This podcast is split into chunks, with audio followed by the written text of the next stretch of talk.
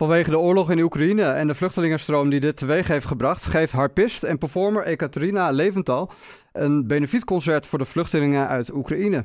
Dit benefietconcert vindt morgen om 8 uur plaats in de Philharmonie in Haarlem. En uh, ik heb Ekaterina aan de lijn.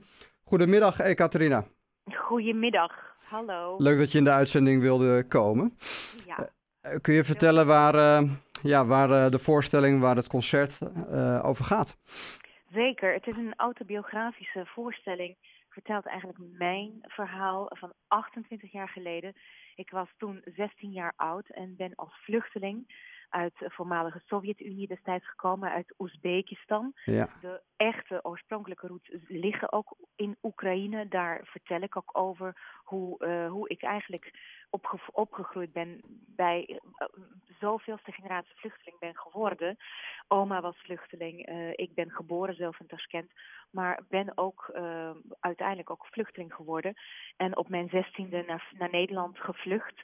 En heb ik het heel bewust meegemaakt. En daarover heb ik samen met mijn man Chris Koolmees, hebben we zeven jaar geleden een voorstelling gemaakt, De Weg, die daarover vertelt hoe dat gebeurt. Dat je van één dag op een ander in een vluchteling verandert en hoe Ja. je dat als kind beleeft. En het is natuurlijk uh, verschrikkelijk dat de actualiteit, uh, dat het nu actueler uh, dan ooit is. De, de voorstelling die ja, jullie al zeven jaar geleden hebben gemaakt. Ja. Ehm, ja. Heeft dat nog invloed op hoe je, hoe je zo'n voorstelling geeft als je kijkt naar de actualiteiten? Zeker, zeker. Het, laat je. Nou, ja, de, voorstelling is natuurlijk voorstelling. Ik ben actrice en acteer mezelf. Probeer daar uh, ook op professionele manier te staan. Maar natuurlijk, uh, ik had nooit voor mogelijk gehouden dat mijn verhaal van 28 jaar geleden op, op een actualiteitswaarde zo zou kunnen stijgen. Dat dat op dit moment uh, voor zoveel de werkelijkheid is geworden. Ja, en je bent natuurlijk uh, actrice zoals je zelf aangeeft. Maar je neemt je persoonlijke emotie wellicht ook mee. Als het zo'n autobiografisch verhaal is. Uh, hou je, ja, misschien een gekke vraag, maar hou je je ogen droog tijdens zo'n uh, zo'n voorstelling? Nou, dat zullen we wel moeten zien. Ik, ik, ja. ik heb zelf ook familie en vrienden in Kiev en, en Oekraïne veel, veel. Wij zijn ook vaak geweest en ook hebben gespeeld daar in Kiev, nog vlak voor de corona trouwens, met een van de voorstellingen. Dus uh, ik heb het, voor mij is het eigenlijk een zaak nog voornamelijk om niet zo geëmotioneerd te raken en me te focussen op datgene wat ik moet doen.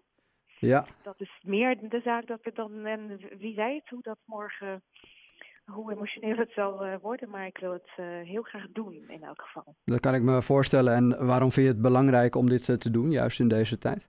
Het is heel belangrijk nu om in jezelf alle verdraagzaamheid en alle begrip voor een ander te kweken. En die kun je, dat kun je alleen doen door de tijd voor te nemen, door te luisteren, door ja. jezelf te bevragen. En Ja. zo'n voorstelling helpt daarbij, want die geeft ook emotioneel en inhoudelijk invulling aan jouw eigen vragen misschien, aan iedereen's vragen. En, en wat, wat zijn uh, vragen die mensen hebben en wat wil je de mensen meegeven? Want er zijn 2,5 miljoen Oekraïnse vluchtelingen. Dat Ja. bra bracht de Verenigde Naties uh, Ja. vandaag uh, naar buiten. In Nederland Ja. zal daar ook een, zal daar ook een, deel, een groot deel van opvangen. Wat, wat wil je de mensen meegeven? Nou, voornamelijk de vragen denk ik die wij al, ons allen stellen is hoe voelt het nou? Wat is, wat betekent dat nou om zo, zo'n zo in zo'n situatie te belanden, om alles achter te moeten laten. Hoe voelt dat concreet? Hoe, hoe, wat, wat, wat achtervolgt jou met de dagelijkse minuscule handelingen? Ja. En de andere wat ik uh, graag mee wil delen is, zie een ander altijd als een mens.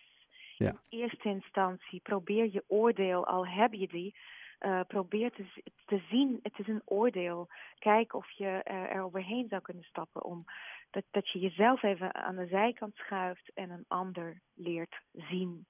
Dat is een erg, uh, erg mooie boodschap.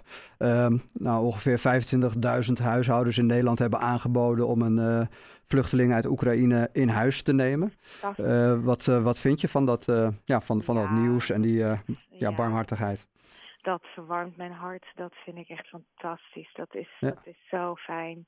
En ik denk dat, dat het enige wat we nog kunnen doen op dit moment is in ieder geval laten zien dat wij, dat wij, dat wij het anders willen. Dat wij bereidwillig zijn en dat wij uh, compassievol zijn. En dat kun je alleen doen door dan te zeggen: ik deel mijn huis met een ander. Ja, ja, dat kan niet anders. En als mensen huis en haard uh, verlaten, jij hebt dat ook uh, nou ja, als, als tiener allemaal meegemaakt. Wat is ja. dan uh, belangrijk om te bieden als, als mensen die alles hebben achtergelaten en ze komen aan in, nou ja, in dit geval misschien in Haarlem. Wat, wat moeten, moeten wij Haarlemmers hen bieden? Luisterend oor. Ja. En een, en een arm om een schouder. En inderdaad, uh, het, de, de, de bereidwilligheid om te delen, bereidwilligheid om te verbinden, ondanks waarschijnlijk uh, gebrek van taal, gebrek uh, zoveel afstand, bereidwilligheid om een ander te zien.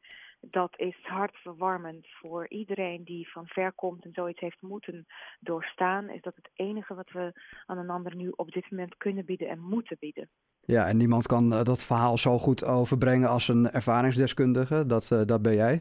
Uh, dus dat is een erg, erg mooi initiatief. Um, ja. ja, iets, iets administratiefs, maar ik, ik zag dat er nog kaarten zijn. Althans, toen ik vanmiddag ja. even op de site kijk. Kun je nog in twee zinnen uitleggen waarom mensen moeten, moeten komen? Mensen moeten komen omdat we het van dichtbij kunnen voelen wat ja. het is om in zo'n situatie te, te, te belanden. Wat dat betekent en, en emotioneel uh, misschien bereidwilligheid kunnen kweken om geraakt te worden ja. door zoiets. Op een, op een hele persoonlijke manier. Het, het, verhaal is eigenlijk niet eens de mijne. Maar het verhaal is, is heel invoelbaar, ook voor iedereen. Ja. Je hoeft ervoor geen vluchteling voor te zijn om het te kunnen snappen en te mee te zijn in, in dit leed. Dus kom en laat jezelf ontroeren door je eigen capaciteit om een ander te begrijpen. Ja, dat zijn uh, mooie woorden. En dat uh, je bent harpist, uh, je bent een verhalenverteller en performer. En zangeres, ja. En zangeres. Wat, ja. Ja, hoe, hoe ziet de, de voorstelling er uh, technisch uit? Is dat uh, ja, vertellend? Is dat zang? Is dat ja, harpmuziek? Ik vertel, ik vertel, het is een, je zou het bijna vertelconcert kunnen noemen, behalve dat wij wel degelijk een heel, heel simpel decor hebben. Ik heb een paar requisieten, ik heb een koffer, ik heb een gasmasker, ik heb uit de koffer een jas, een paar kleine requisieten waarmee ik duidelijk maak waar ik ben en hoe dat, hoe dat letterlijk uitziet. Dus ik beeld het ook uit. Ik vertel hoe dat is gegaan. Ik begin vanaf mijn eigen leven, vanaf het moment dat ik ongeveer acht ben. En ik eindigt op het moment dat wij in Nederland aankomen in 93 en dan ben ik 16 jaar. En ertussenin speel, speel ik harp, ik begeleid mezelf, ik zing. Ik uh, um, dans een beetje. Er zijn een paar dansscènes ook. Um, dus uh, het is een allround theater met dans, muziek en harp. Dat uh, klinkt als een, een mooie voorstelling. Um, Um, ja, ik wil je heel erg bedanken, Ekaterina. En vooral ook succes wensen morgen. Want ja, het kan een emotionele avond natuurlijk worden. Maar ik ben ervan overtuigd dat mensen met een ervaring rijker en misschien wel andere gedachten weer de zaal uitlopen morgen. Dat is precies onze hoop en ja. ons doel. Bedankt, dus, Ekaterina. Dankjewel. Dankjewel voor jullie aandacht en betrokkenheid.